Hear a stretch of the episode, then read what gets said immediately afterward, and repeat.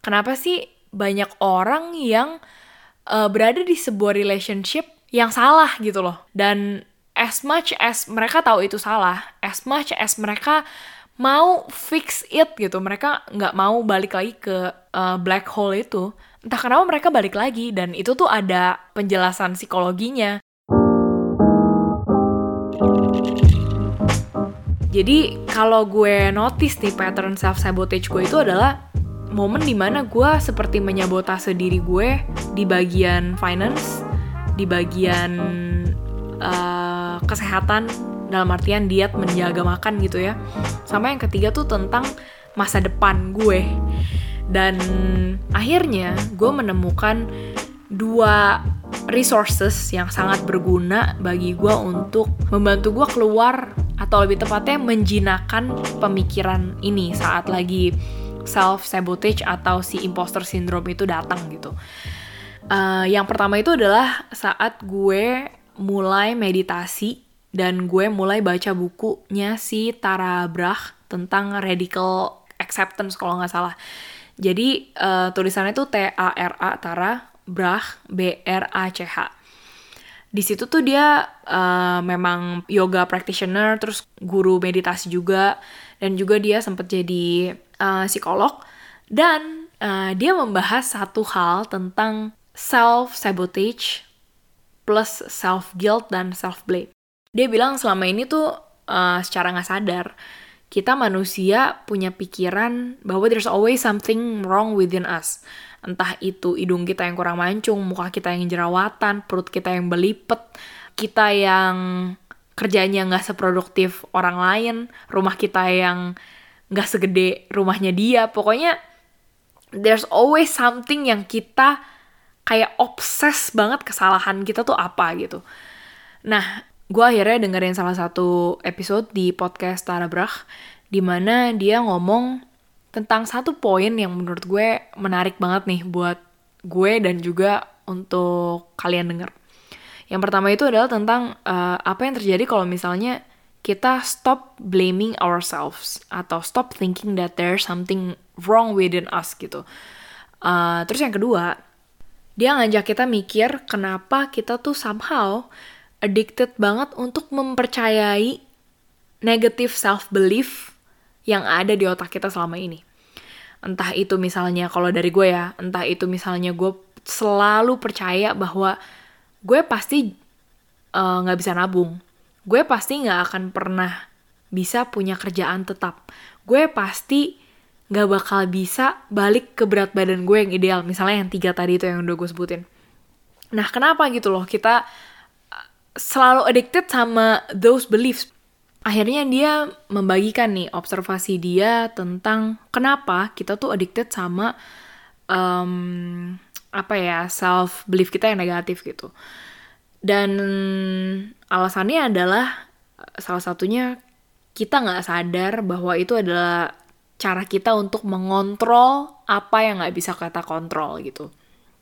Nah, biar penjabarannya lebih masuk ke manusia awam gitu, gue akan mencoba ngejelasin ini dari perspektif yang gue dapet aja ya. Uh, jadi misalnya gue kan udah mention, gue selama ini percaya bahwa gue kayaknya nggak mungkin deh bisa balik ke berat badan ideal gue. Gue kayaknya nggak mungkin deh bisa good at money. Gue kayaknya nggak mungkin deh bisa kerjaan punya kerjaan yang tetap gitu loh. Nah kalau gue lihat-lihat lagi sih pattern gue itu adalah cara gue untuk mengontrol ketakutan gue ya ketakutan gue untuk mengenal diri gue atau mengenal sisi diri yang gue belum tahu sih acing itu siapa sih gitu uh, jadi karena dengar perspektif itu gitu dari si Tara Brach, gue mikir iya bener juga ya kalau emang uh, eh, self belief yang negatif ini adalah cara gue untuk mengontrol sesuatu dari hidup gue. So it goes back to the first question di mana dia nanya emangnya what's gonna happen kalau lu stop believing that there's something wrong with you. Dan Sebenarnya ada satu buku lagi judulnya Taming Your Outer Child by Susan Anderson. Ini bukunya gue beli dalam bahasa Inggris tapi gue nggak tahu kalau misalnya dalam bahasa Indonesia ada atau enggak. so just check it out. Uh, dia menjelaskan bahwa kalau misalnya lu menyabotase diri lu, jangan langsung salahin diri lu gitu, jangan langsung membenci diri lu dan langsung kasih label kayak ah tuh kan gue gagal lagi diet misalnya gitu ya. Gue gagal lagi diet ini pasti gara-gara gue nih yang emang orangnya nggak bisa konsisten gitu.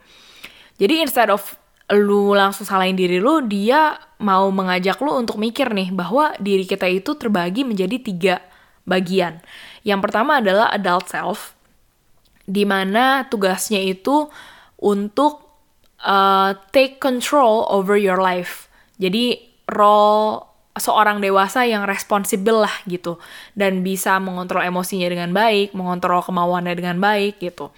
Nah kalau yang kedua itu adalah inner child. Inner child itu adalah uh, role di mana diri lu tuh uh, sebenarnya mempunyai kebutuhan-kebutuhan di masa kecil lu yang lu nggak dapetin.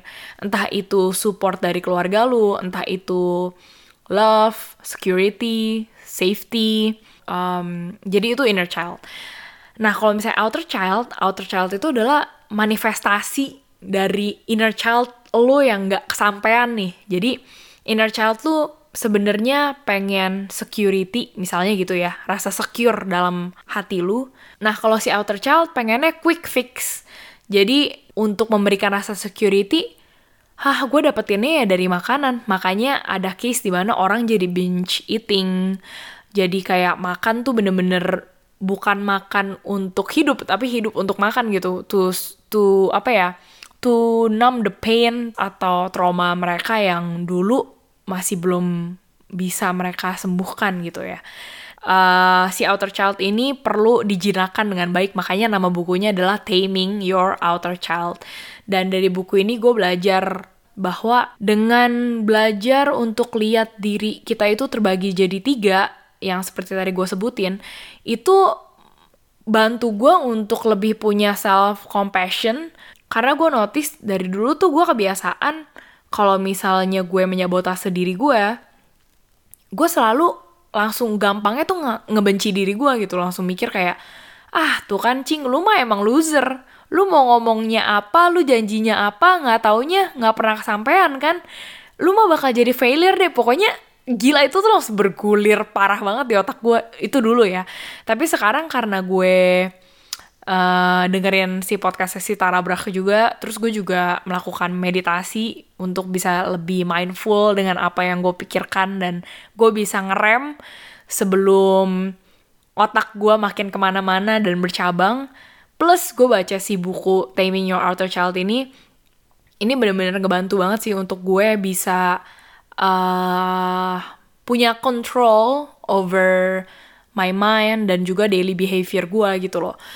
Jadi harapan gue sih dari membagikan ini adalah again sebagai pengingat untuk diri gue bahwa kalau misalnya gue dengerin ini atau gue lupa tentang self sabotage ini pas gue denger rekaman ini gue diingatkan lagi dan yang kedua adalah untuk kalian bahwa sebenarnya saat lu mulai menyabotase diri lu, entah itu dalam hal diet, duit, atau karir, atau pasangan mungkin yang parah ya. Karena di buku ini tuh juga dibahas tentang kenapa sih banyak orang yang uh, berada di sebuah relationship yang salah gitu loh. Dan as much as mereka tahu itu salah, as much as mereka mau fix it gitu mereka nggak mau balik lagi ke uh, black hole itu entah kenapa mereka balik lagi. Dan itu tuh ada penjelasan psikologinya. Balik lagi instead of lo menyalahkan diri lo plek dan melabel nih wah gila gue nggak bakal pernah deh bisa berubah. Nah itulah lo mesti pikirin mungkin ada hal-hal yang lebih dalam lagi daripada hal itu. Ada akar yang mesti lo coba lihat lagi. Dan ya entah itu dengan bantuan psikolog atau entah itu dengan bantuan dari buku-buku self help yang seperti tadi gue sebutin atau meditasi. Nah itu uh, coba deh lu cari tahu akar permasalahannya lo menyabotase sendiri atau imposter syndrome itu kenapa gitu loh. Dan gue membagikan hal ini karena gue merasa di masa-masa corona seperti inilah kita bisa bener-bener balik lagi ke dalam diri kita gitu loh yang bisa kita kontrol. Dan bukan cuma itu aja gitu loh gue ngerasa kematian itu tuh selalu ada di depan mata kita gitu ya. As much as ya gue tahu sih orang semua orang bisa mati kapan aja tapi dengan adanya corona lu makin nggak tahu lu bisa mati kapan dan lu kena kapan gitu kan. Uh, so it's gonna be such a waste of time kalau misalnya tiba-tiba kita dipanggil but then selama kita hidup we never know who we are gitu. Aduh gila itu ya itu sih ketakutan terbesar gue tuh adalah saat gue dipanggil ke Tuhan ternyata gue masih nggak tahu gue tuh siapa gitu. Like I've been believing this negative self belief for so long sampai gue nggak bisa mencapai potensi dan talenta gue sebaik-baiknya cuma karena gue pikir semua negative self belief itu bener gitu. Semoga episode ini bisa membantu kalian untuk lebih bisa menjinakkan pikiran kalian agar nggak sering-sering menyabotase diri. I'll be very happy untuk dengar pendapat kalian. What do you like from this episode?